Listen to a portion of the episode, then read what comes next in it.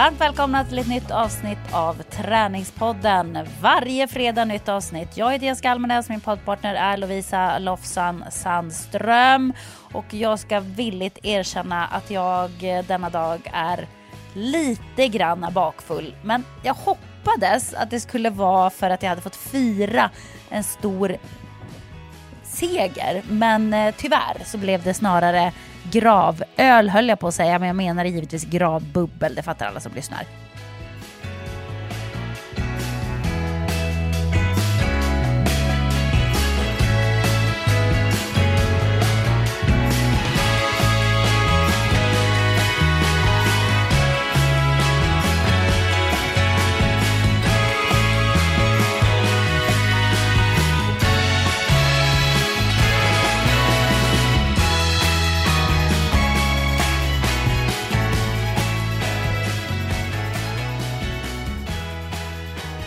Och då pratar jag förstås om, jag vet inte om du har missat den här happening Lovisa, men eftersom du bor på Söder så borde du inte ha missat att Hammarby handboll faktiskt spelade final i Svenska Kuppen mot eh, Kristianstad i tisdags blir det för er som lyssnare. Igår för mig, det, det, är mitt huvud väldigt snabbt på att tala om att det var, det var definitivt igår.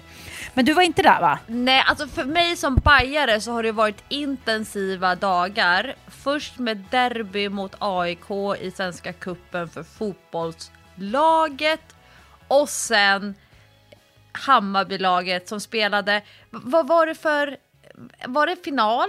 Eller var det semifinal, kvartsfinal? Nej, det var, det var final. final. Det var final. De spelar finalen, ja precis, det är hemmamöte, bortamöte.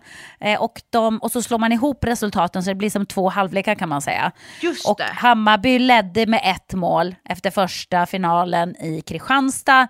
Och den eh, andra finalen spelades då i Eriksdalshallen i tisdags och eh, det var ju otroligt jämnt. Alltså det var så spännande. Det var så spännande. Det avgjordes i sista sekund. För Kristianstad ledde med två mål. Hammarby fick en straff, alltså när tiden var ute, så det var det sista som hände i matchen. Så hade, de, eh, hade det blivit att de hade lett med två mål, då hade de vunnit eftersom Hammarby hade ett måls eh, försprång efter den första matchen. Men då sätter då Martin Dahlke i Hammarby straffen, vilket betyder att det är lika. Och då är det så i Svenska Cupen, det är speciella regler, att då avgörs det inte med förlängning, utan då avgörs det med något som heter eh, shootout, som man kanske kan jämföra med att lägga fotbollsstraffar. Eh, fast det går till så att målvakten kastar bollen till en som springer i laget då, som då ska fånga bollen och så ta sina tre steg eh, och eh, skjuta mål på andra sidan, på deras målvakt då, om man säger. Och alltså eh. typ all, alla andra står vid sidan? Ja, och tittar. Och så skjuter man liksom, man byter skytt då emellan och så skjuter man varannan sån.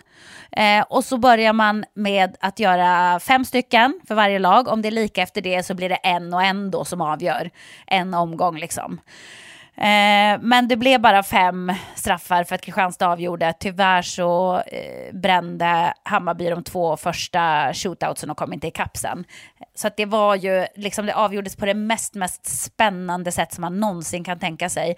Och jag har aldrig varit med om den stämningen i en handbollshall överhuvudtaget. Jag höll på att säga i Sverige, men överhuvudtaget. Och då har jag ändå varit på många matcher i Tyskland, och jag har varit på landskamper. Jag har aldrig varit med om maken. Det var, Eriksdalshallen kokade.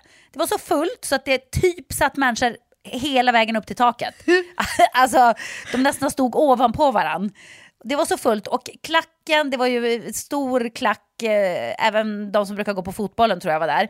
Och de sjöng hela matchen. Alltså det var sån ljudnivå. Och spela i det, ja men alltså det fick man igår hela dagen, eller hela kvällen. Att hela matchen igenom hade man gåshud. Det var så jävla häftigt. Så de hade verkligen förtjänat att få vinna. Det hade de verkligen gjort. Men de fick en jättestor pokal och de fick 50 000 och silvermedaljer. Men de var så ledsna, för de var så nära. Och Hammarby har liksom inte spelat om en titel sen, jag tror de tog SM-guld 2008 eller något sånt senast. Så det är ju jättelänge sedan de ens var i närheten av att spela om en titel. Har varit nere i allsvenskan i två år och, och harvat runt och nu kommit tillbaka och gjort det så bra och slagit ut liksom eh, både Sävehof och Ystad på vägen. Och det är ju Sävehof, Ystad och Kristianstad som man brukar säga, det är de bästa lagen i Sverige.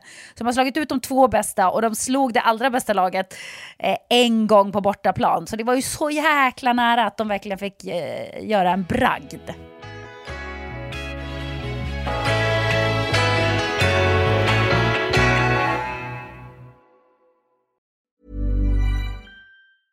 Cool fact a crocodile can't stick out its tongue. Also, you can get health insurance for a month or just under a year in some states. United Healthcare short term insurance plans, underwritten by Golden Rule Insurance Company, offer flexible, budget friendly coverage for you. Learn more at uh1.com.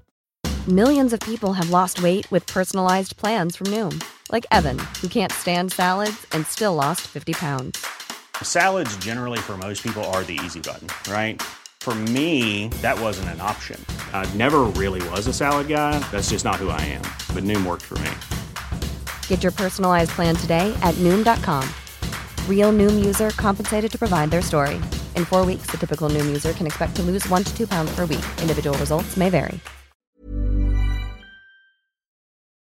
Men jag har ju läst flera artiklar om eh, kuppen och om Hammarby och deras resa som de ju ändå är ute på. Och om det är någon som hyllas och hela tiden lyfts fram som den stora framgångsfaktorn och som då krönikörerna inte tycker ska blandas ihop med att okej, okay, de förlorade.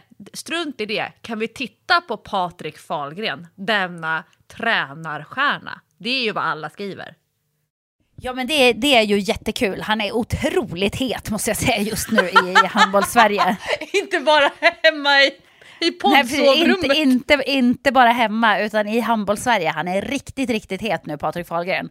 Med all rätt skulle jag säga. För det han har gjort med med det materialet han har. Hammarby har överlägset minst budget i hela ligan. Alltså överlägset. De kan ju inte alls köpa eller betala spelare som de andra lagen kan.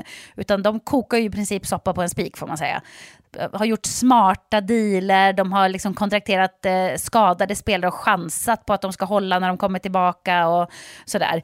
Eh, verkligen trixat och, och ja, kokat soppa på en spik. Det är, eh, mer, mer än så kan man inte säga. Och där har ju Patrik varit otroligt skicklig. Och det är klart att folk som kan handboll, de lägger ju märke till det. Så att han är ruskigt het nu. Ruskigt het. Det kommer, sanna mina ord, det kommer snart att trilla in erbjudanden från hela Europa skulle jag säga. Ja, oh, det, är, det är spännande.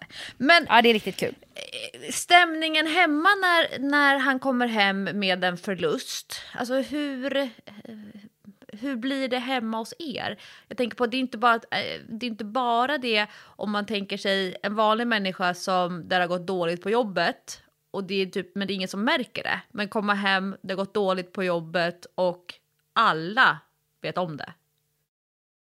Hur blir stämningen ja, då? Alltså han brukar ju bli lite depp eller deppig, men han är lite nedstämd när han förlorar. Men igår var han riktigt deppig, måste jag säga. Och i morse, han var tom och liksom...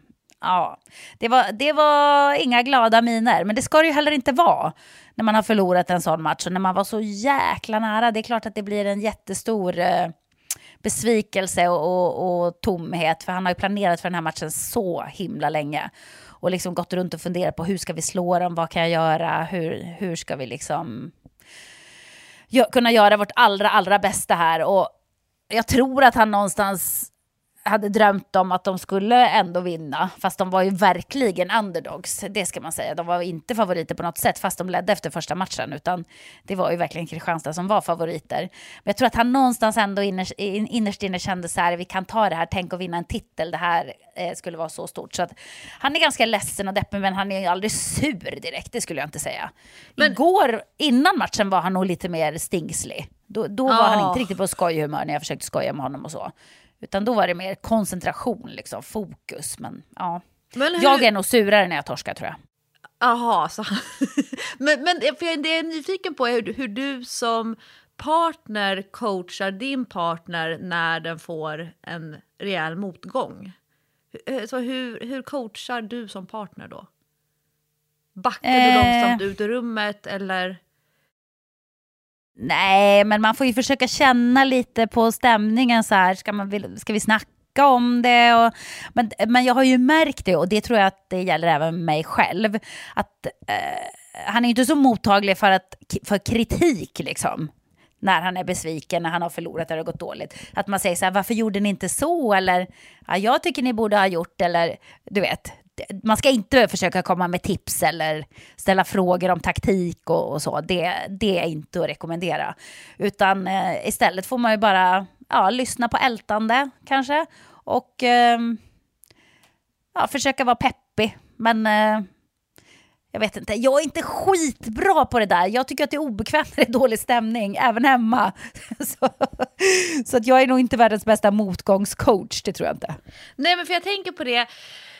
Vissa går ju in i ett mode av att så här, slå bort det. Eh, det var ju inte så farligt. Eh, nu går vi vidare. Lägg det där bakom dig. Medan någon annan kanske, jaha, men hur kändes det för dig?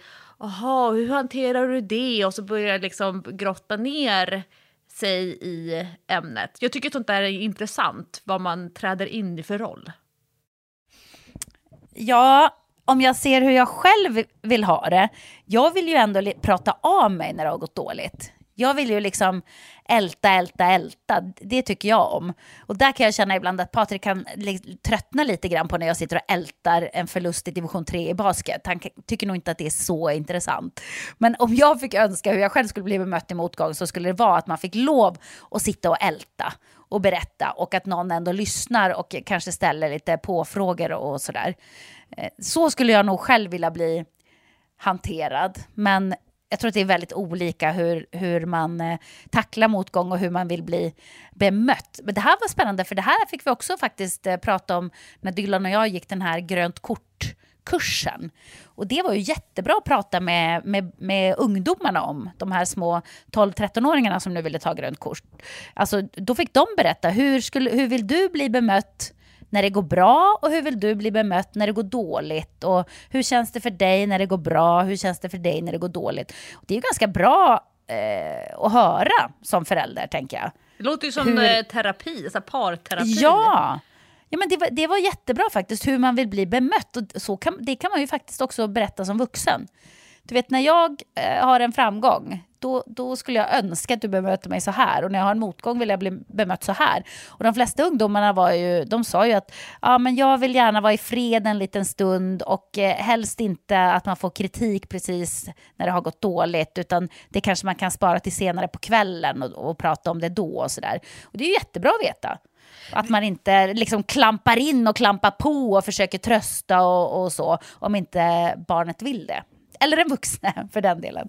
Låter ju rätt, jätterelevanta frågor att ställa på en anställningsintervju också. Ja, faktiskt. Varför inte? För det är ju lite samma på ett jobb, tänker jag. Ja, alltså jag är ju sån som vill förneka, stänga ihop, gå vidare och noll bearbetning. sen, sen bara sätter upp händerna för öronen. Nej, jag vill inte prata om det, vill inte prata om det, vill inte prata om det. Då går vi vidare. Och sen så kommer det som ett bakslag några veckor senare då var det fasen också, jag skulle ha bearbetat det mer. Ja, det kan ju ha både för och nackdelar att bara liksom stänga in det och eh, skjuta bort det. Helt osentimental. Ja. Ja, nej, men så att det har varit lite deppigt här hemma idag, men jag tror att det ordnar upp sig snart. Jag tror han är ganska stolt över det de har presterat ändå. Ja. Nya tag. Japp, nya tag. Har du tränat någonting på sistone då? Jag har haft en längdbonanza i helgen som var och jag hoppades, och jag tror att jag har rätt, att det inte var sista längdåkningspassen i Stockholm. Alltså, jag kan säga att jag hängde på så mycket Facebookgrupper om längdskidåkning i Stockholm och försökte så här gradera. Jag, jag är en sån som, typ om jag går på en restaurang och så tittar jag på menyn och så står jag och velar lite grann mellan vad jag ska välja och så väljer jag någonting och så får jag in maten. Då försöker jag hitta alla argument till varför jag har valt det bästa på menyn. Om jag får ett mm. hotellrum, då vill jag liksom hitta tre argument till varför det här hotellrummet det är det bästa hotellrummet för oss. Så när jag ska välja längdskidåkningsspår, när hela Stockholm kunde erbjuda längdskidåkning typ alla stadsdelar, alla kranskommuner. Jag bara, oh, okej, okay, nu ska jag hitta det bästa längdspåret. Och sen när jag kommer fram, då ska jag också ha argument till varför det var bättre att vi valde att åka till Ågesta och inte till Hellasgården eller till Täby eller till Tullinge. Du vet, jag försöker liksom, det är lite jobbigt ibland, men när, man väl, när jag väl hittat de argumenten, då står jag fast vid mitt beslut. Det var som en skidpropagandafest i Ågesta. 8,5 kilometer, jättefina för att vara Stockholms spår runt hela golfbanan i Ågesta. Konstnärsspåret, 2,1 kilometer. Två stycken skogsspår, det ena 3 kilometer och det andra 6 kilometer var spåret. Det var så mycket folk. Det var, alltså det var treåringar som ligger i overall i spåret med längdskidorna på och liksom bara, åh, de är helt slut. Det var de här nybörjarvuxna som man ser har lånat grejer. Det var de här astrendiga tjejerna med så stora dunjackor jättesnygga och som glider runt så här. Eh, bam, bam, bam, bam, bam, tar bilder där, filmar lite så. Och sen var det också de här som jag alltid blir så nyfiken på, men nu jag kände att jag ville träna lite hårdare så jag kunde inte stanna och fråga, men som kör med en, en riktig sån här expeditionsryggsäck. Alltså jag skojar inte att det typ var 30 kilo och riktiga turskidor. Jag tänker, oh vad tränar den här personen för för äventyr? För jag tänker, ska den upp på Nordpolen? Men, men jag kände inte att jag kunde ställa mig och fråga. Eh, och sen är det de här elitmotionärerna som bara swooshar förbi henne i spåret. Det var så himla trevligt. Så jag körde 19 kilometer på lördagen, alltså i Stockholm. Det är 20 minuter hemifrån. Och sen så körde vi 14 kilometer på söndagen och idag när vi har poddat klart, då tror jag det blir det officiellt sista Stockholmsåket för mig på längdskidor. Nu börjar jag känna mig redo för att köra mitt livs första skate tävling uppe i Lofsdalen på Lofsdalen Epic. Men jag har inte varit lika mycket i Ågesta den här vintern som förra vintern och det har egentligen bara praktiska skäl. Det var så skönt för att Baxter skulle spela fotboll, i Kärrtorp, vilket inte är så himla långt ifrån. Så då gjorde jag liksom ett, ett race där jag skjutsade honom till fotbollen, åkte till Ågesta, körde fyra, fem varv, åkte tillbaka, hämtade honom på fotbollen. Men han har inte tränat där och då blev jag så här, nej, men då pallar jag inte åka iväg en vardagskväll för att harva runt i elljusspåret i ett eget projekt. Men så det är det som jag har tränat, men jag kommer nu direkt in i poddinspelningen med mina varmaste skidstrumpor, underställ på. För jag har varit och kört eh, ett företag som jag tränar en gång i veckan utomhus. Förra veckan när det var snökaos, då smsade jag till hon som är ansvarig för företagsträningen där. Så sa är, är ni säkra på att ni vill träna på onsdag? Hon bara, Va, vadå då? Jag bara, nej men alltså det ska vara ganska mycket snö och hon bara aha. Och sen var det typ alla blev ju insnöade. Skolorna stängde i flera kranskommuner. En ja, PT-kund till mig hon kunde inte komma, ut, komma iväg från huset på två dygn för att de har ingen sån här kommunal plogning till huset. Hon bor eh, ute på, på Värmdö. Hennes familj de, blev, de kunde inte ta sig hem så de fick sova två dygn hos, hos farmor. Alltså, men idag körde vi igen och jag hade en liten längtan och det här hänger nog ihop med förra veckans avsnitt av Träningspodden som flera stycken har hört av sig till mig och sagt att det här kan vara det bästa poddavsnittet ni någonsin gjort, Lovisa och Jessica. Vad pratade vi ens om då? Jag kommer inte ihåg och det är bara en vecka sedan. Då pratade vi om en artikel som jag hade läst som handlade om kroppsideal. Ja, ja, mm, just och, det. Det var det eh, synen på kroppar och när jag tog upp det här med att vad är det för typ av kroppar vi får se numera. Och jag berättade om de här, mina barndomsminnen av att vara i simhallen mm. och sen så sitta i bastun med alla de här kvinnorna som satt och skalade apelsiner och man var okej, okay, så här ser kroppar ut. Mm. Det var det avsnittet. Ja. Men det, det, var fint. Det var fint att det var många som tyckte om det.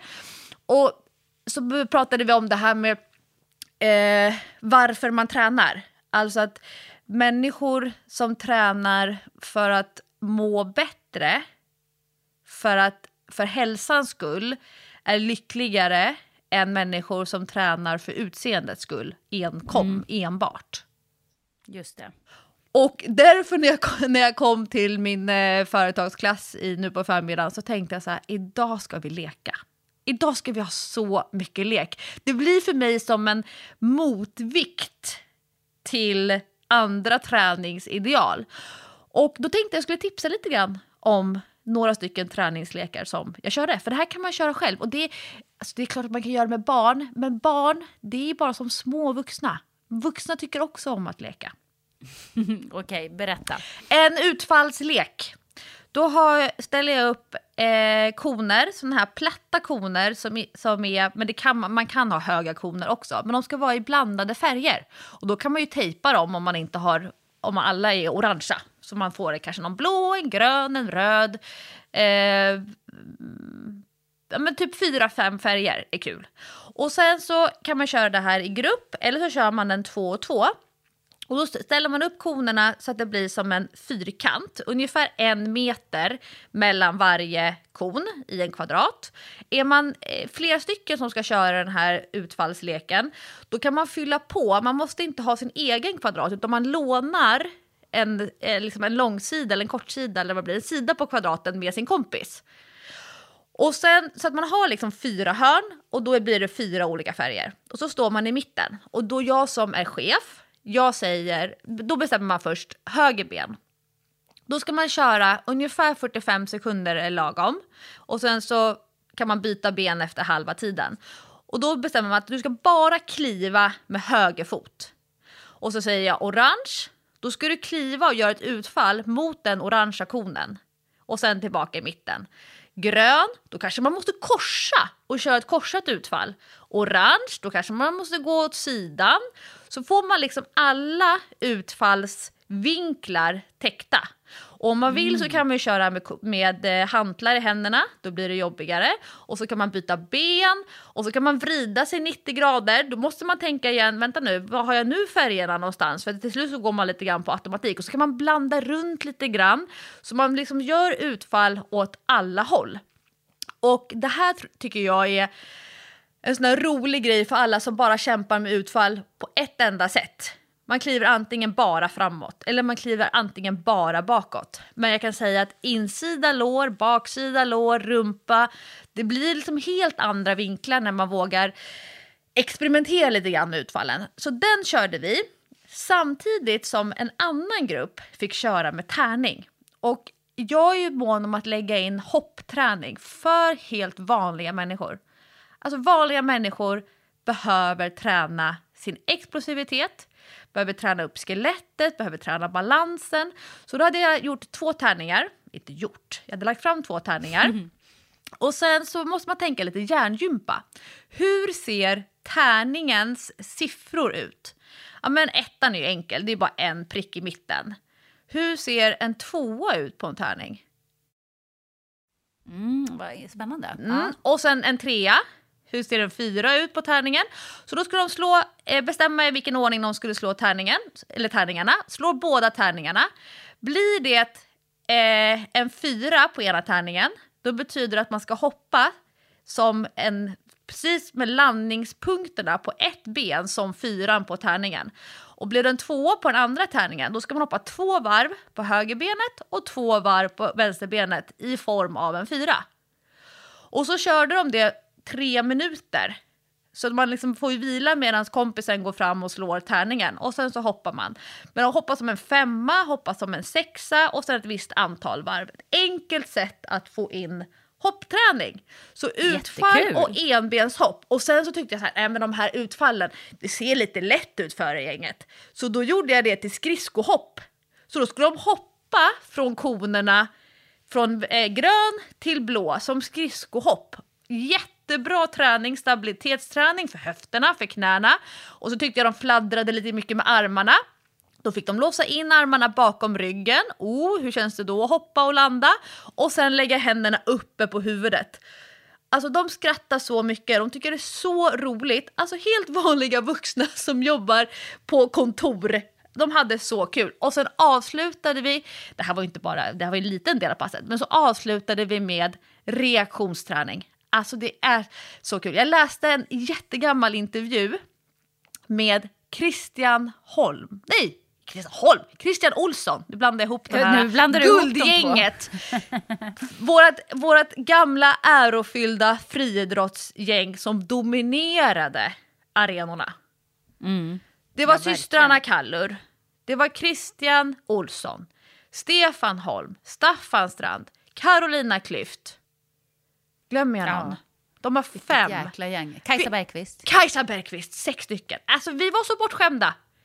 Vi borde Ja, ha var- njutit mer. Det var, det var tider det, när Sverige var så bra på friidrott. Men då läste jag en, inte, en gammal intervju eh, med Christian Olsson när han var 23 år gammal. Han tränades av eh, Jannik Tregaro som ju var, blev och var en riktig demontränare på så sätt att han, han tog ju i saker som blev guld. Och då berättade Christian Olsson om eh, dels om hans spänstträning, hur han till skillnad från alla andra trestegshoppare i världen tränade på ett annat sätt. Inte tränade jättemycket på att hoppa långt utan att hoppa högt. Ehm, och då var han, det var han tydligen tidig med i sin gren. Men sen så berättade han att han och Jannik lekte jättemycket. De lekte så mycket reaktionslekar. Och Jannik Tregaro kommenterade i den här intervjun att en anledning till varför Christian var så enormt spänstig och explosiv, det var för att han kunde vara avslappnad. Helt avslappnad och sen pang på, spänna på allt och därmed kunna hoppa jättelångt eller kunna hoppa jättehögt. Till skillnad från alla de som spänner sig först och väntar på signal om att de ska reagera. Så till exempel, det finns ju en, en reaktionslek som eh, många bollsporter eh, håller på med, vet, både basket, fri, eh, handboll och fotboll, som jag tycker är kul om man ska ligga på mage, flera stycken på rad, och sen så när det blåser i visselpipan så ska man ställa sig upp och sprinta framåt, försten över vinner. Men att förmågan då att kunna ligga helt avslappnad och sen explodera eller att ligga och spänna sig och sen ta i allt vad man kan. Men tydligen då så var en framgångsfaktor hos Christian Olsson var att han var avslappnad. Att han liksom bara kunde gå från total avslappning till maximal hastighet. Men då gjorde jag, då skulle man vara 2-2 och så hade de en kod, så gjorde vi, visade jag ett gigantiskt pappasteg. Ett pappasteg det är de här alltså, när man går liksom ganska långa steg. Jag har ju inga pappasteg till exempel. Men ett gigant, gigantiskt pappasteg, det är avståndet till konen. Och sen så hade jag två varianter. Den ena varianten, då var det jag som fick bestämma. Då skulle man så här, eh, vad heter det, tappa. Nu tappar jag här med mina eh, händer på knäna. Tapp, tapp, tapp, tapp, tapp, tapp, tapp. Och så säger jag fötter, så ska man tappa på fötterna. Och sen så tappa på axlarna, tappa på huvudet. Och när jag säger tjuv, då ska man stjäla konen. Aha, mm. Från, så att man ska hinna före kompisen. Eh, jätteintressant. Och då hade vi dessutom kört eh, en axelfinal innan det. Så jag bara tappade på huvudet. De bara oh, de fick typ inte upp händerna på huvudet. Eh, den körde vi och så körde vi klassiker. Huvud, axlar, knä och tå, knä och tå. Huvud, axlar, knä. Och när jag klappade mina händer, då skulle man stjäla konen. Kul övningar, bra träning och att vara de här reaktion, explosiv. Det är kul med lekar för ehm, man tänker ju inte riktigt på att man tränar då. Alltså man kan göra väldigt många utfall utan att ha tänkt på att man ens Exakt. gör utfall om man bara tänker färg. Exakt. Det är ju faktiskt ehm, ingen dum idé. Det är väl bara det att man kanske har lite dålig fantasi som vuxen när man ska hitta på lekar. Men nu fick man ju några bra tips om man, om man skriver ner dem. Och apropå hoppträning, jag har fått nytändning på eh, Bionic faktiskt. Måste jag säga. Och jag saknar Ja. det. Ja, jag känner nu att jag tycker att det, var, det är riktigt kul. Inte minst för att jag känner att eh, musklerna får sig en riktig genomkörning. Och förra gången jag var där förra veckan, då lyckades jag hitta en nivå som var ganska lagom på träningsverk.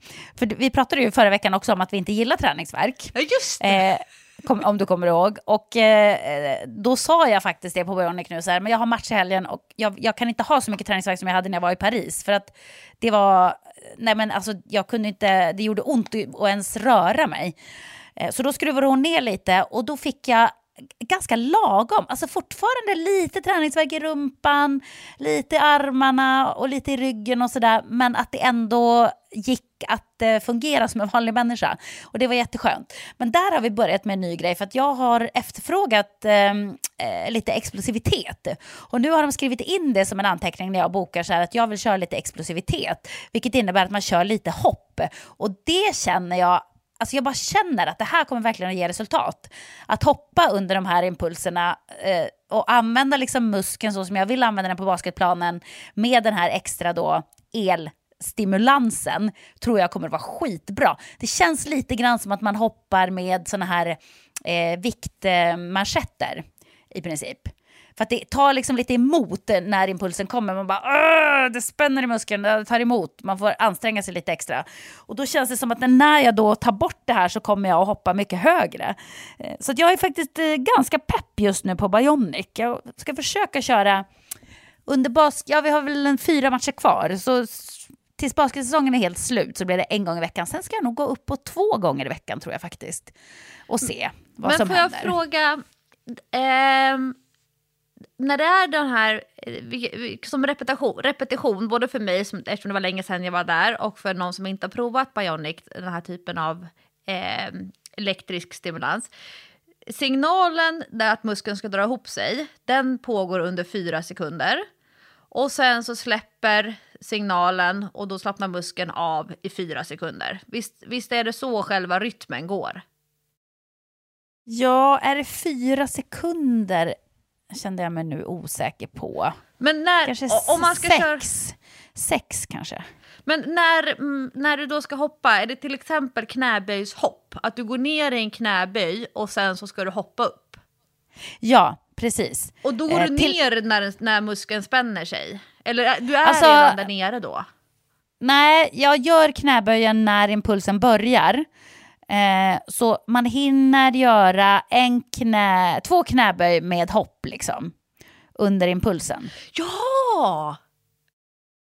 Ehm, så det är ju ganska bra. Man kör ju liksom, alla övningar man kör, kör man ju, jag, jag vet inte exakt hur långa impulserna är. Så att jag, jag lämnar det osagt. Nej, För du, ju- du, tar, du, du är så distraherad av att muskeln drar ihop sig så tiden den är abstrakt.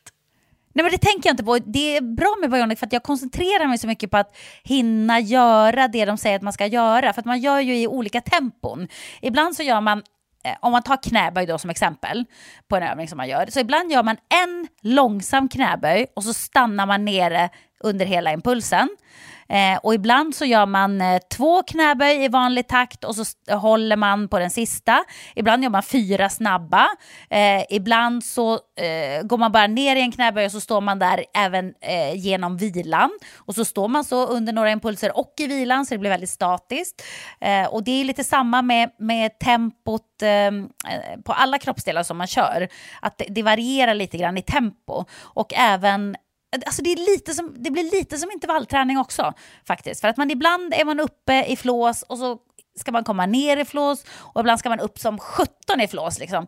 Man ska, eh, ibland när man ska komma upp i flås då får man stå och luftstaka. Som att man kör det här eh, Jörgen Brinks känguru, känguruskutt i skidor, du vet. Så man står och luftstakar och bara run, run, run. Och då eh, så ska man hinna så många man kan. Och då kör man ju fort som fan och då kommer man verkligen upp i puls kan jag säga. Så att det varierar också. Man är i olika pulszoner och håller på och rotar och det är olika tempon i övningarna man gör eh, och så.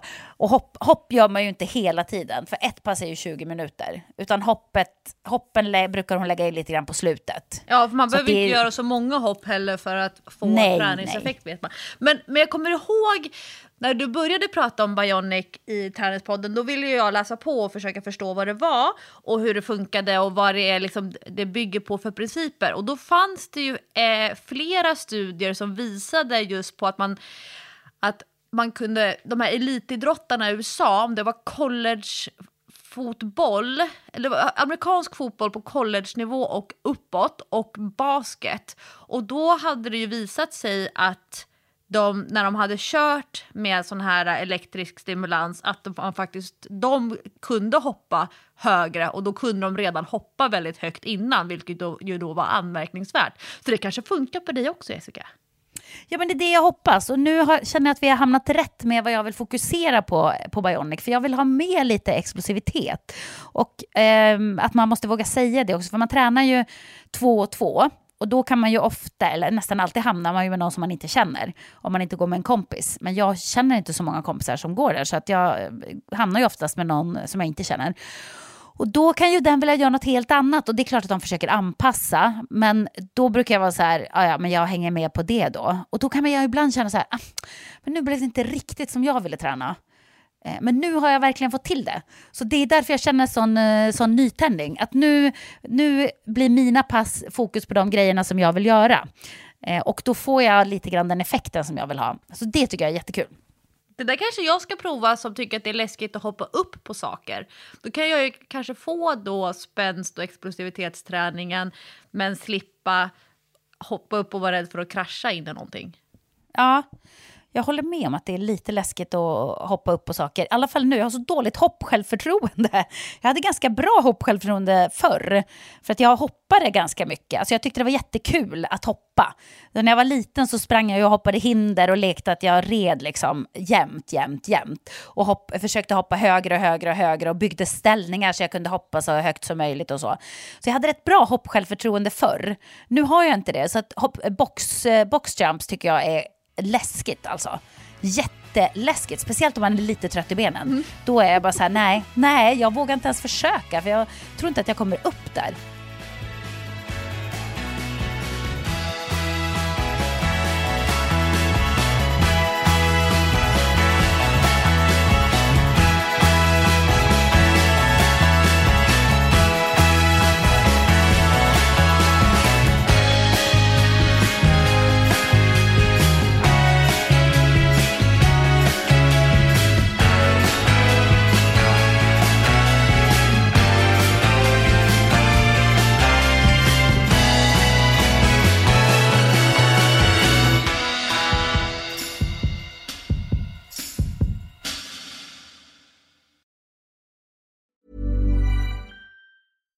Selling a little or a lot? Shopify helps you do your thing however you cha-ching. Shopify is the global commerce platform that helps you sell at every stage of your business. From the launch your online shop stage to the first real life store stage, all the way to the did we just hit a million orders stage. Shopify is there to help you grow. Shopify helps you turn browsers into buyers with the internet's best converting checkout. 36% better on average compared to other leading commerce platforms because businesses that grow grow with Shopify. Get a $1 per month trial period at shopify.com/work. shopify.com/work. Hey, it's Ryan Reynolds and I'm here with Keith, co-star of my upcoming film If, only in theaters May 17th. Do you want to tell people the big news? All right, I'll do it. Sign up now and you'll get unlimited for $15 a month in six months of Paramount Plus Essential Plan on us. Mintmobile.com slash switch. Upfront payment of $45 equivalent to $15 per month. Unlimited over 40 gigabytes per month. Face lower speeds. Videos at 480p. Active Mint customers by 531.24 get six months of Paramount Plus Essential Plan. Auto renews after six months. Offer ends May 31st, 2024. Separate Paramount Plus registration required. Terms and conditions apply if rated PG. Vi är även denna vecka sponsrade av Rusta och det passar perfekt för det är ju full vår ute nu. Man kan vara ute utan att ha dunjackor och tio lager kläder, det gillar man. äntligen, äntligen! Varje vår tycker i alla fall jag att det känns som att det är ett helt nytt liv som börjar. Jag kan sitta ute, jag tycker om att känna solen värmer ansiktet. Och för mig är det liksom, det, det är ett njut. Älskar att vara ute. Och Rusta, det är vårens bästa vän för de har allt för det här nya livet, utomhuslivet. Ja, precis. Vi har ju tidigare berättat att Rusta har ett brett sortiment av i princip allt som du behöver till din uteplats. Och jag har eh, snackat mig varm om solcellsbelysning. Det tycker jag är kanon. Du var inne på ljusslingor och krukor, Lovisa. Men oavsett vad man behöver så får man mycket för pengarna hos Rusta när man ska förvandla och förnya sin uteplats. Hur är det hos dig Jessica? Har du några favoriter när du ska piffa upp er utomhusmiljö? Ja, men det har jag faktiskt. Jag gillar att det känns lite loungeigt. Så jag brukar ju satsa på att köpa någon ny utomhusmatta. För att de är väldigt prisvärda hos Rusta. Så det tycker jag är en stor favorit. Jag ska säga vad jag är sugen på. Berätta. Jag tycker ju att det är bra att ha kuddar som man inte behöver ta in. Det står absolut på min lista för den här våren. Ja. Ja. Det ska vara lätt att ta sig ut. Kuddarna ska bara ligga där, redo att ta emot den. Ja, man älskar sånt som man inte behöver plocka ut och in.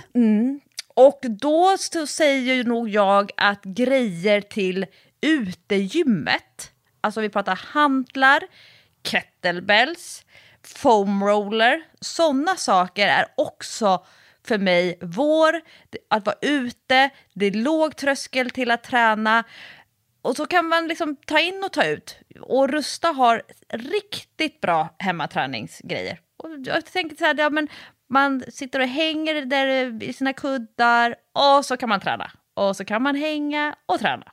För alla våra lyssnare så är ju träning en viktig del av utomhusmiljön, det vet jag. Vi uppmuntrar och uppmanar våra lyssnare att njuta av utomhuslivet och kolla gärna Inrusta när ni vill uppgradera er utemiljö.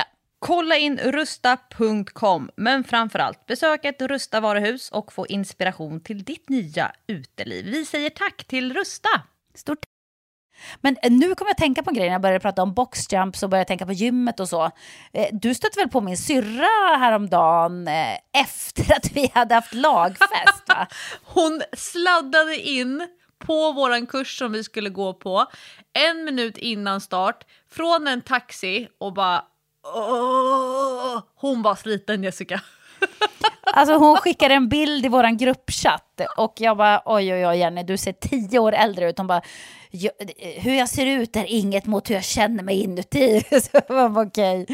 Nej, men Vi hade faktiskt lite mm, parteraj, vi hade lagfest och jag var så otroligt duktig. Jag gick hem så att jag var hemma klockan 12.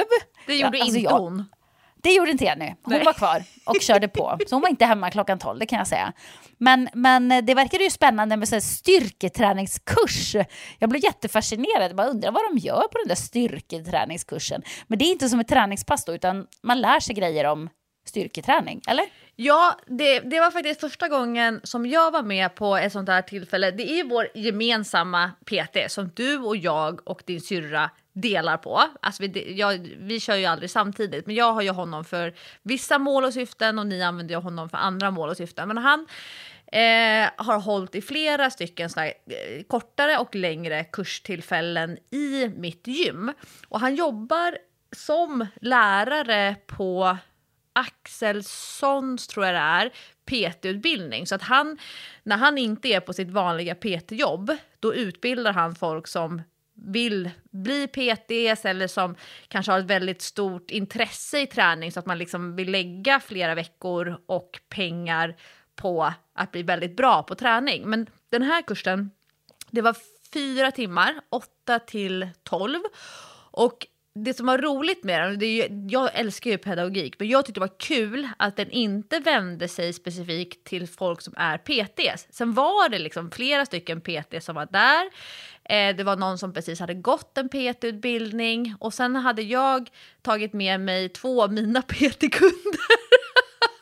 Det var så här, som PT så vill man att kunderna ska kunna mycket. Man vill att ens klienter ska lära sig saker. Dels för att mitt jobb blir ju faktiskt lite lättare. Men eh, Sabina som var med, hon vände på det och bara Lovisa, efter det här nu, nu kommer jag ifrågasätta. Nu kommer jag be dig motivera alla övningsval, varför jag ska göra ett visst antal repetitioner på varje övning. Jag bara, oh, då måste man så här, apropå att kunna argumentera för varför man har valt det bästa som man tycker.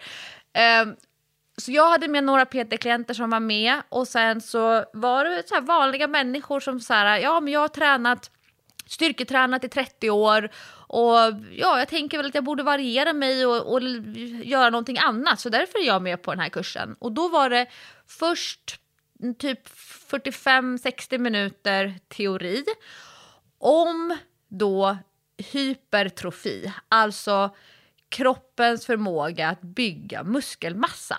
Alltså att, att öka mängden muskelmassa. Sen blir man ju lite nedslagen när och det här är ju liksom en, ett budskap, du som älskar att läsa de här vetenskapliga träningsartiklarna och de här artiklarna om hälsa.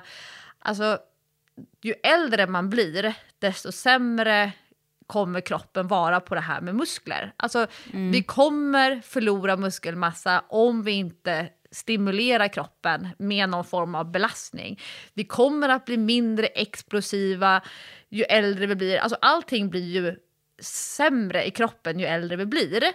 Så att det är ju skillnad på en för en 25-åring som precis har hittat styrketräningen och bara wow, det här, jag älskar den här känslan, tycker om att jobba med muskelkontakt versus någon som är 55 som bara okej, okay. trots att jag tränar som jag alltid har gjort så blir jag bara svagare och svagare. Alltså det, det blir ju en, en, annan approach till kroppen och vad det egentligen är som man vill få ut av sin träning. Och Andreas hade ett sånt bra exempel som blir det blir väldigt tydligt när han, han jobbar ju ändå på ett av Sveriges största gym och han, han sa att vi har ungefär tusen inpasseringar per dag på det här gymmet. Alltså tusen personer varje dag som kommer dit för att träna.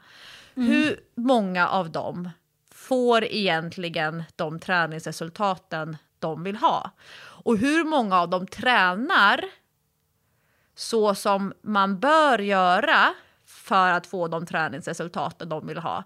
Och han sa att jag har jobbat där hur många år som helst och alla de ser likadana ut. Det är ingen som får mer muskler. Eh, alltså de, de har som sina kroppar fortfarande. Medan han då menar på, och det är ju det här som jag tycker är så spännande, med små tweakar, med små förändringar i mindset, till exempel att göra i princip alla reps du kan. Det spelar ingen roll om du gör 8 reps, eller 12 eller 20. Om du alltid slutar när du har väldigt många reps kvar i kroppen så kommer du inte att stimulera muskeltillväxten. Sen är det liksom, finns det inget så här äh, gyllene regel för att det är ett visst antal repetitioner som du måste göra. Men du ska göra i princip alla repetitioner du kan. Och det ju, står det så här, äh, ja, men 8 till 12 repetitioner på en övning och så slutar du på 12 men du hade kunnat göra 20.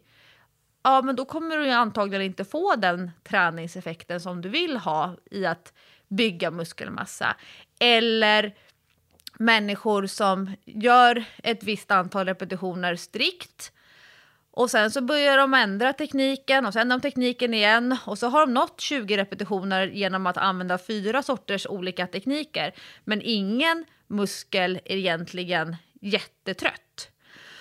Och när man ser det här framför sig, ett sånt här gym där människor kommer och går och de lyfter i hantlarna och så tänker man sig, ja, men vad skulle just den här personen kunna göra annorlunda för att få lite mer träningsresultat?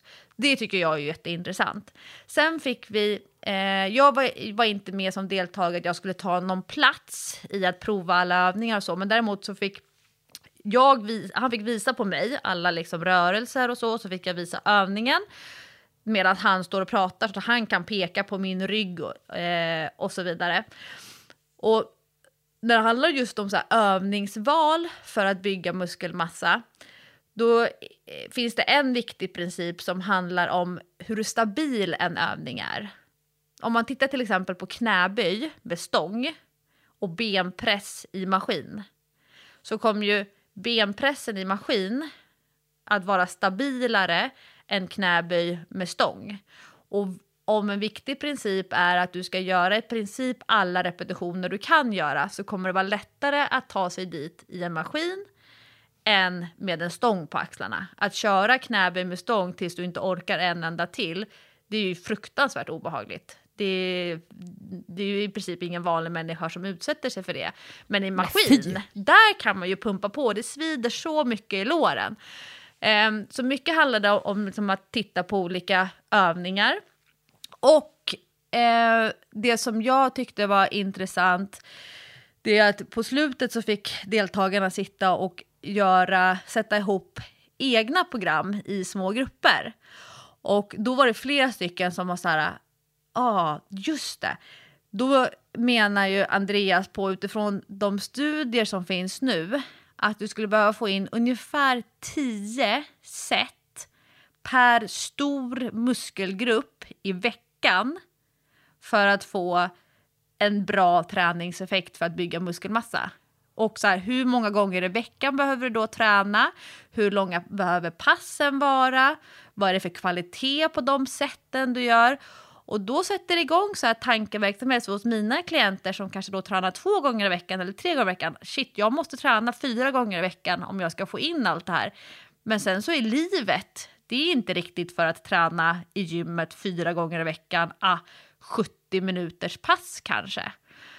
Eh, så det tyckte jag också var intressant. Jag tror att din syrra, hon har ju liksom byggt på, byggt på, byggt på. Hon har ju verkligen kontinuiteten. Hon tränar sina pass, men hon är också så som dras mellan basketen och styrketräningen. Jag vill vara smärtfri, men jag vill också kunna prestera och inte ha träningsverk och sådär.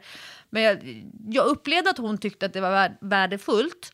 Och en annan del, liksom där som, vad man lyfter fram på sån här kurs, när man, när man inte behöver ha några förkunskaps krav. Man måste inte veta fäste och ursprung på varje muskel. Man behöver inte kunna latinet för olika rörelseplan som kroppsdelar rör sig i. Men man liksom kan förstå själva grejen. Då tycker jag ju att det är intressant med eh, om man tittar på så här, okej, okay, du skulle egentligen behöva uppemot tre minuters vila mellan varje set för att nervsystemet ska vara återhämtat från föregående set.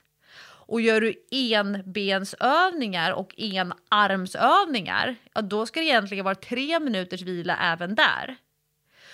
Och fy Fabian vad lång vila. Då tittade jag på, så här, på exempelpass. Alltså, ska du försöka få ihop träningen på en timme? Det går ju inte då så räknade jag ut att 45 minuter av den här timmen är att vila. Så det är 15 minuter effektiv tid och 45 minuter vila. Men sen är det ju också att rodda fram utrustningen, att kanske byta handtag på maskinen. Sånt tar ju också tid. Och det är det här som blir det kluvna i människor som vill träna för att förbränna men samtidigt träna för att bygga muskelmassa. För att förbränningen i sig blir ju inte så hög den här timmen när du står och vilar väldigt mycket. Och samtidigt så är du mån om att förbränna många kalorier. Det är det här som blir kluvenheten, att människor hamnar lite grann i mellanmjölk. Så förstår de inte att de skulle kunna få ut mer av muskelmassan om de vilade mer och körde in i det sista. De skulle kunna förbränna fler kalorier och få bättre uthållighet och få bättre flås om de kör de här cirkelpassen som du och jag tycker är så himla kul. Så det, det är det så här, folk bara, men shit vänta, vad har jag egentligen för mål med min styrketräning? Vad är det jag vill få ut av det? Ja, men nu ska jag glädja alla som tänker så här, oj, oj, oj, jag sitter bara och vilar, jag bränner inga kalorier här på min styrketräning. För att jag har nämligen nu hittat en, eh, en ny artikel i Svenska Dagbladet. Min du är vår favorit. professor, Jessica. Ja, nej men, du vet, jag tycker det här är så otroligt intressant att läsa om eh, träning och hälsa. Och de skriver så mycket bra artiklar om just det. Eh, och eh, den här artikeln den handlar egentligen om eh, en svensk forskningsstudie som har fått internationellt genomslag de senaste veckorna. Jag ska komma till den snart, men längre ner i artikeln så är det en professor då som uttalar sig om just det här med styrketräningen. Och han är professor i medicinsk vetenskap med inriktning på idrottsfysiologi vid Högskolan i Dalarna. Eh, och han heter Michail Tongonogi. Tongonogi? Tongonogi. Honom har jag träffat många gånger. Skämtar du? Det är någon du känner, vad kul. Nej, känner, han känner inte mig, men jag känner honom. Du känner honom, ja ja. jag, jag, har varit på flera föreläsningar som han har gjort eftersom han, hans eh, engagemang för styrketräning för barn och ungdomar har ju Eh, revolutionerat skulle jag säga har blivit liksom, ska, eh, det bör vara den nya normen för hur man ser på fysisk aktivitet för barn och ungdomar.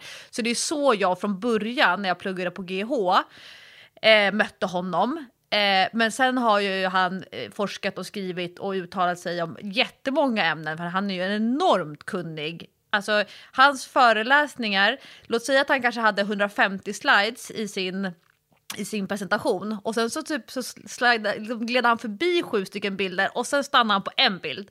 Och det är så mycket grafer och det är så mycket siffror. Jag tycker att det är spännande och intressant. Men berätta, jag, jag gillar ju honom väldigt mycket.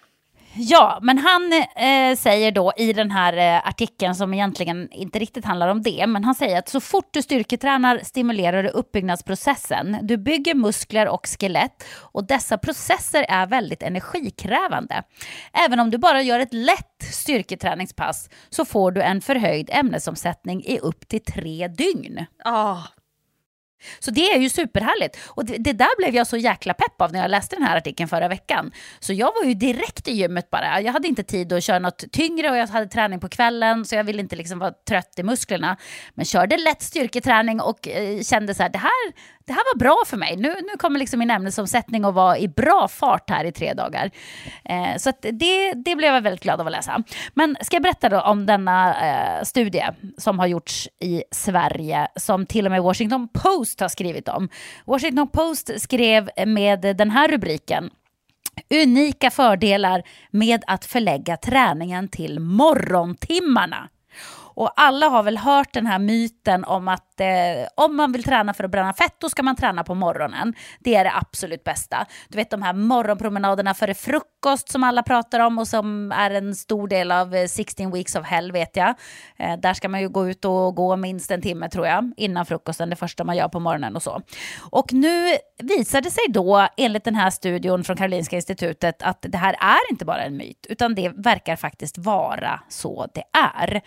Eh, de har då på Karolinska institutet undersökt ämnesomsättningen hos möss som har fått träna vid olika tidpunkter. Det är så kul, man, alltså man ser framför sig bilden så här, på mössen som är i gymmet och, och eh, gör knäböj och håller på. Riktigt så funkar det väl inte, men jag vet inte hur de gör. De sätter dem väl i ett hjul eller något, vad tror du? Eh, jag har ingen aning. Men jag blir alltid så nyfiken. För det var ju så, det här tror jag att jag har pratat om med Tränarspodden tidigare.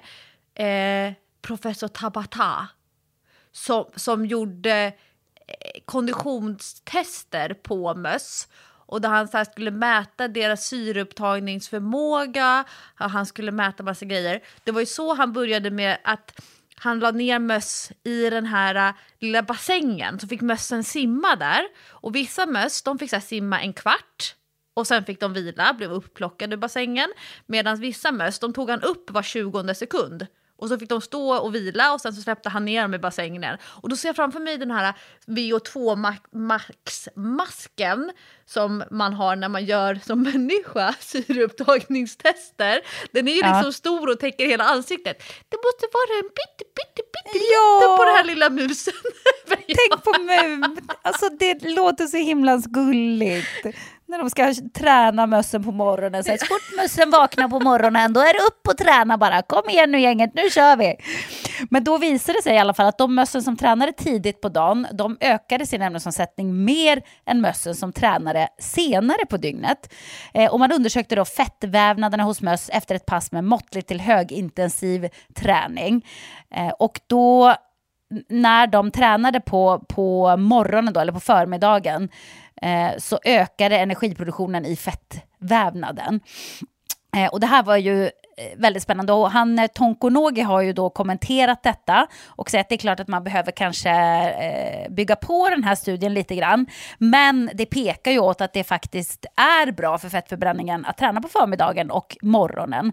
Eh, för tidigare så har, har forskning gjorts då som visat att för just kvinnor är det extra bra att eh, träna på, på morgonen om man vill förbränna fett och gärna innan frukost därför att vi kvinnor har ett mindre förråd av kolhydrater i kroppen. Och när vi vaknar då på morgonen och inte har ätit på natten och sådär så har vi ett ganska litet kolhydratsförråd i kroppen, vilket innebär att då tar ju kroppen av fett när den eh, behöver sitt bränsle. Eh, men, men eh, nu visar tydligen den här studien också att fettcellerna verkar ha någon slags inbyggd dygnsrytm. Så det är lite mer komplicerat än att det bara handlar om att man inte har ett kolhydratsförråd. Utan de, deras dygnsrytm verkar vara så att ämnesomsättningen ökar och man har lättare för att bränna fett helt enkelt om man tränar på morgonen.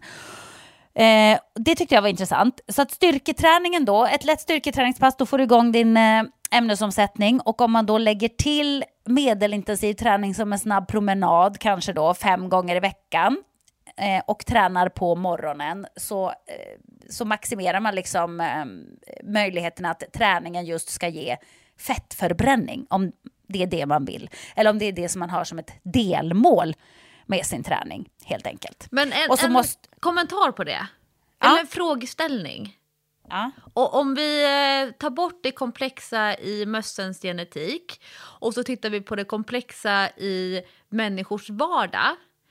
Tenderar man, då tänker jag så här, gemene man, kanske våran träningspodden-lyssnare, tenderar man att leva hälsosammare resten av dagen om man tycker att man har varit duktig som har morgontränat?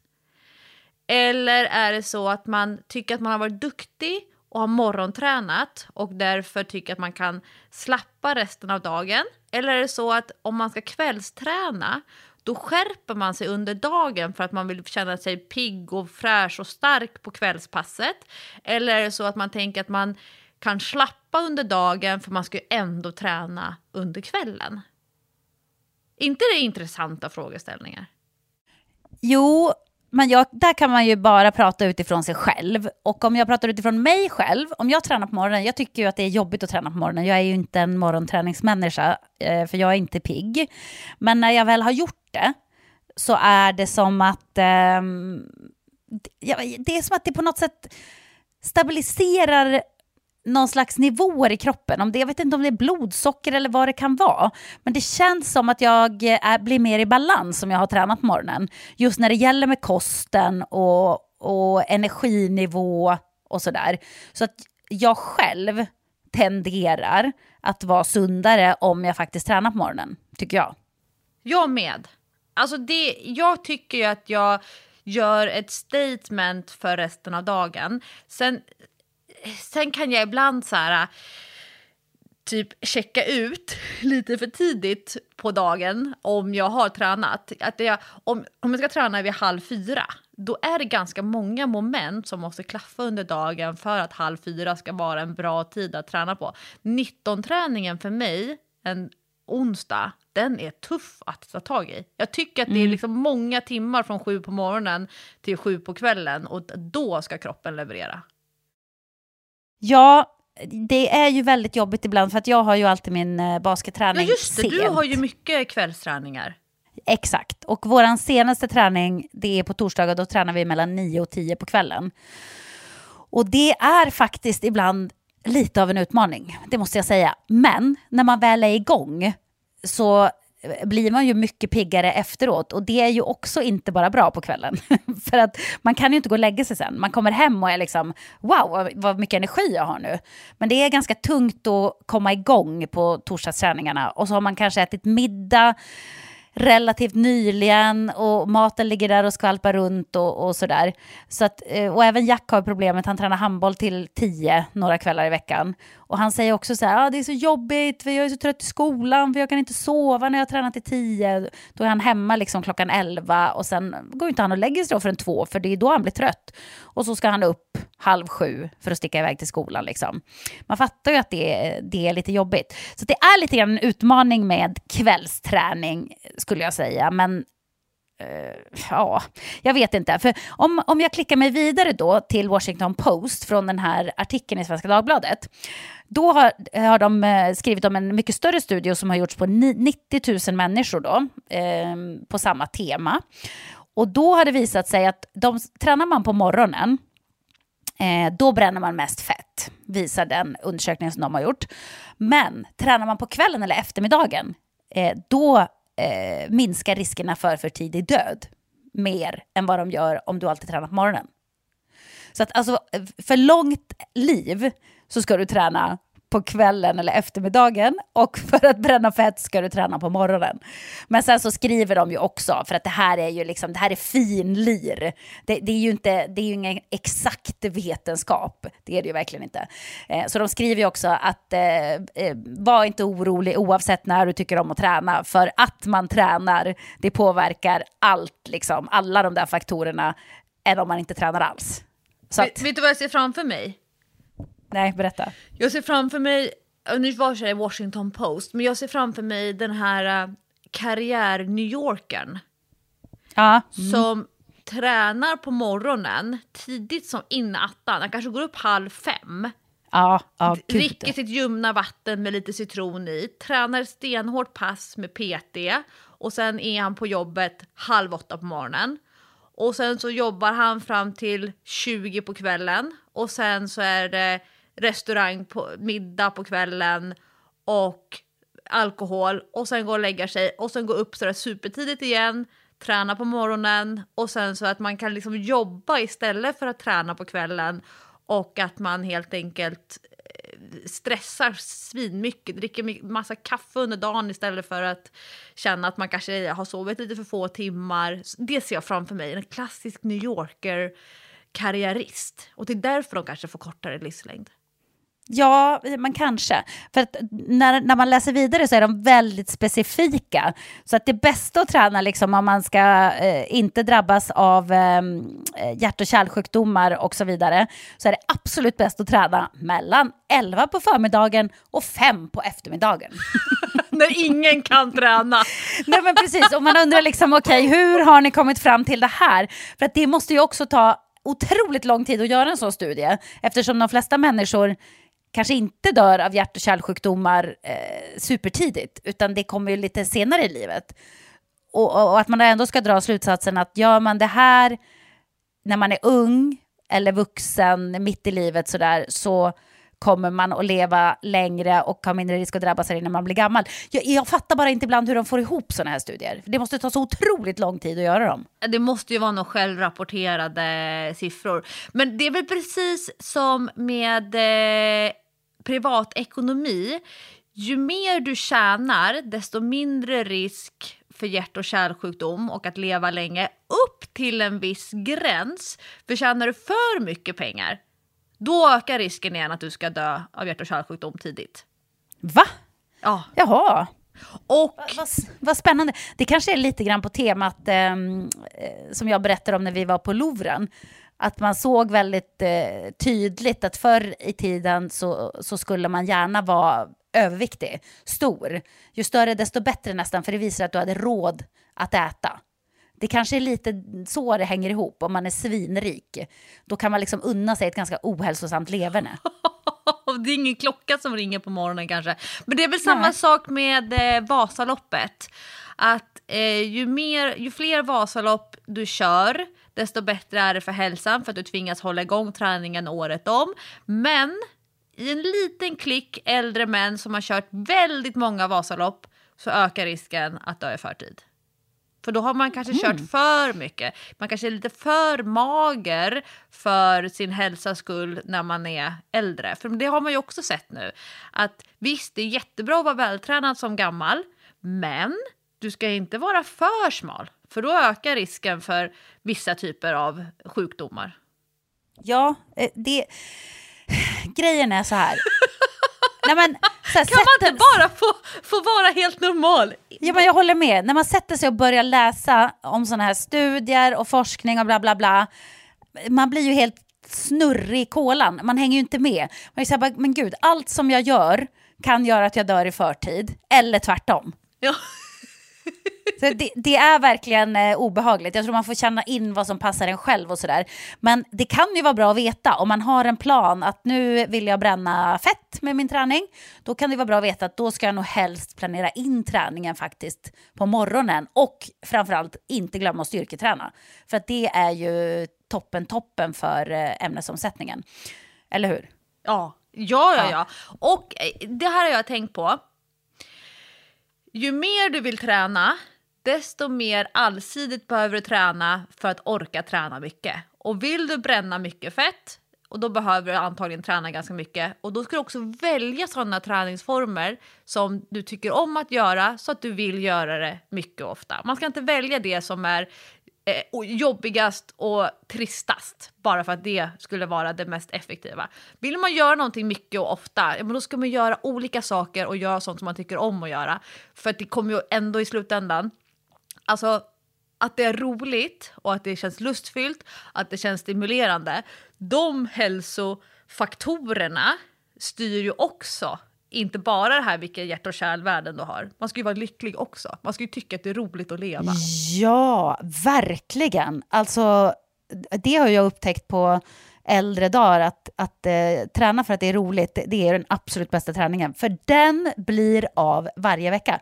Jag missar ju aldrig nästan en basketträning. Aldrig. Jag missar ju inte min ridning.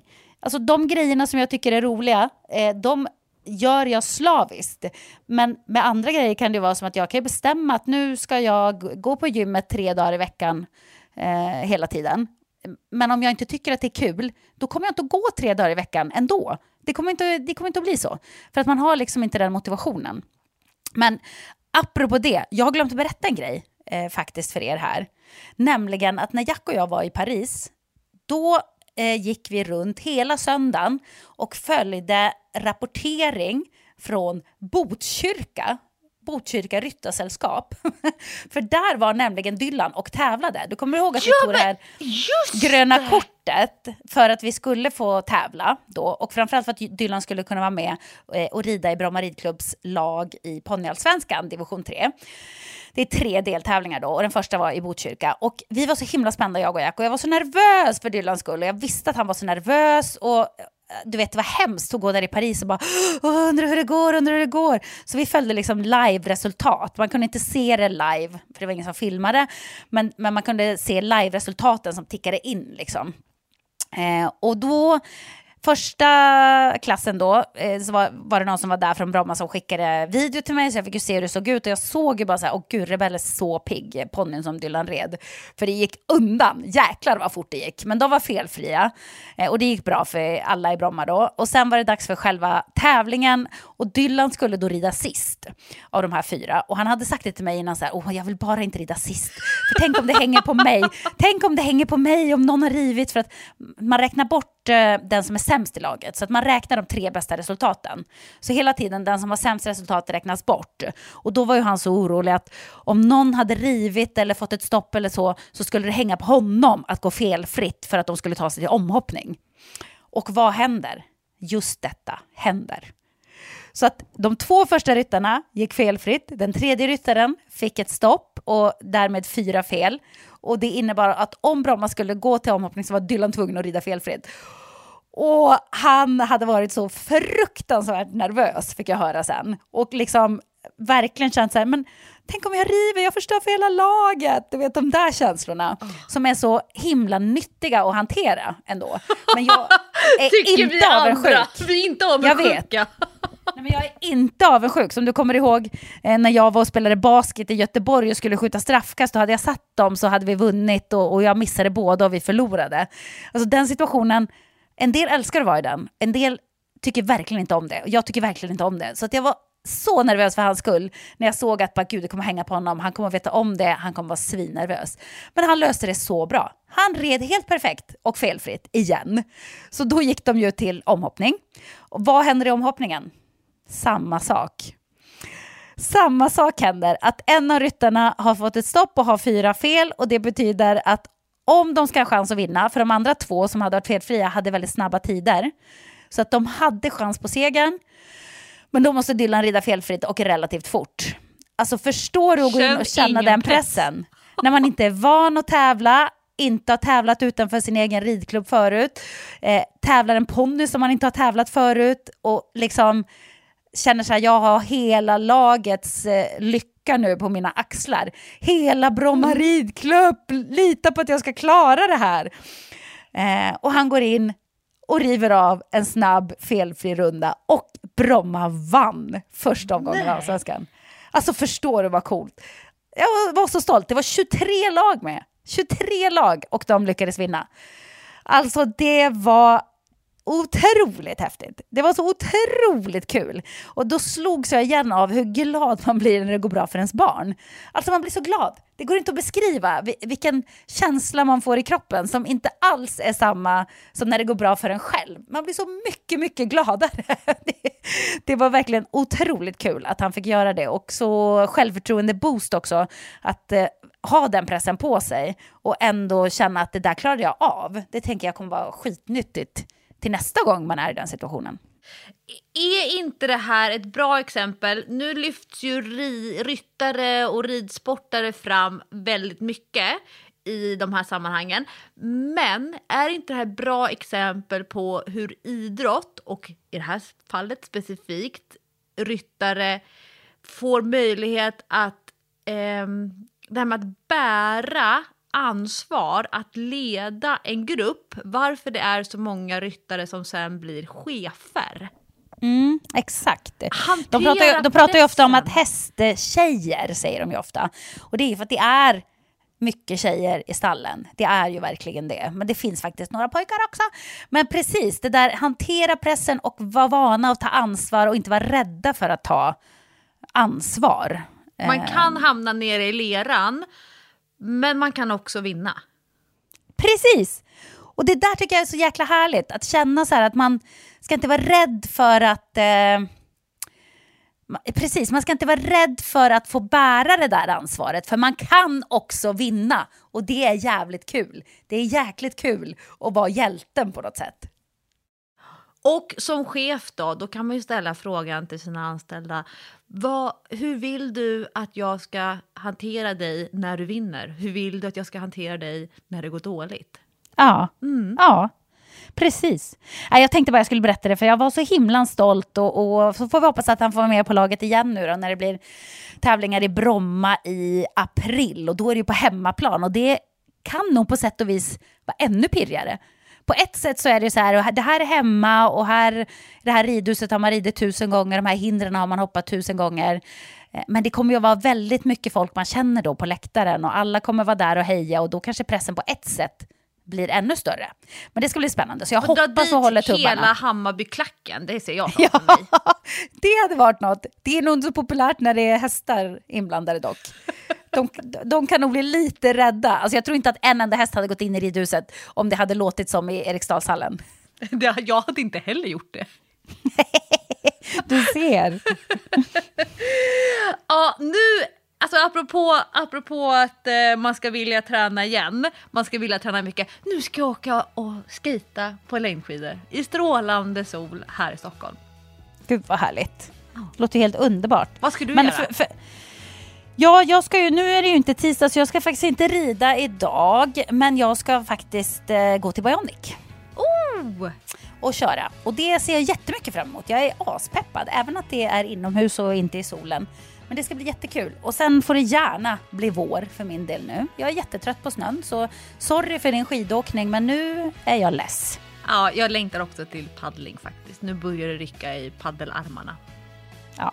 Men hörru, eh, det blev ett avsnitt även denna vecka och eh, vi får väl bara önska en riktigt trevlig träningshelg till alla våra lyssnare. Jajamän, mitten av mars har vi kommit till. Det känns som att vi borde ha en kvartalssammanfattning snart för alla de här som startade upp det nya året. Mm. Hur har oh, det gått jäklar. med alla utmaningar och projekt? Jag känner just nu att jag är så nöjd att jag inte gav några nyårslöften. jag gjorde min eh, trestegs eh, natt kvällsrengöring igår. Jag hade ett uppehåll på några dagar så kom jag på att nej tusan också, där ska jag kunna rapportera om att jag faktiskt har gjort min kvällsrutin för ansiktet. Och jag jobbar vidare med mina djupa knäböj som jag ju hade som ett mantra för 2023. Gud, du, du har verkligen hållit dina löften. Ah, ja, de var inte, jätte, de var inte jättehögt uppsatta.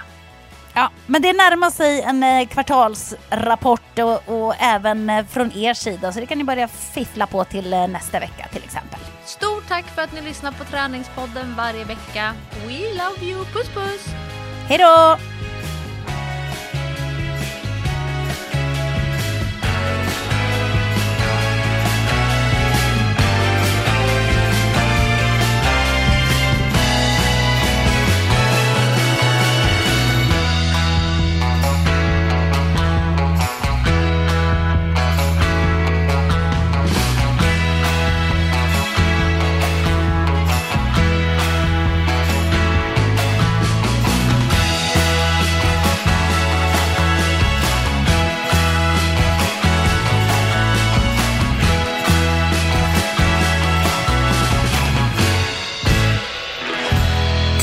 Podden produceras av Sandström Group.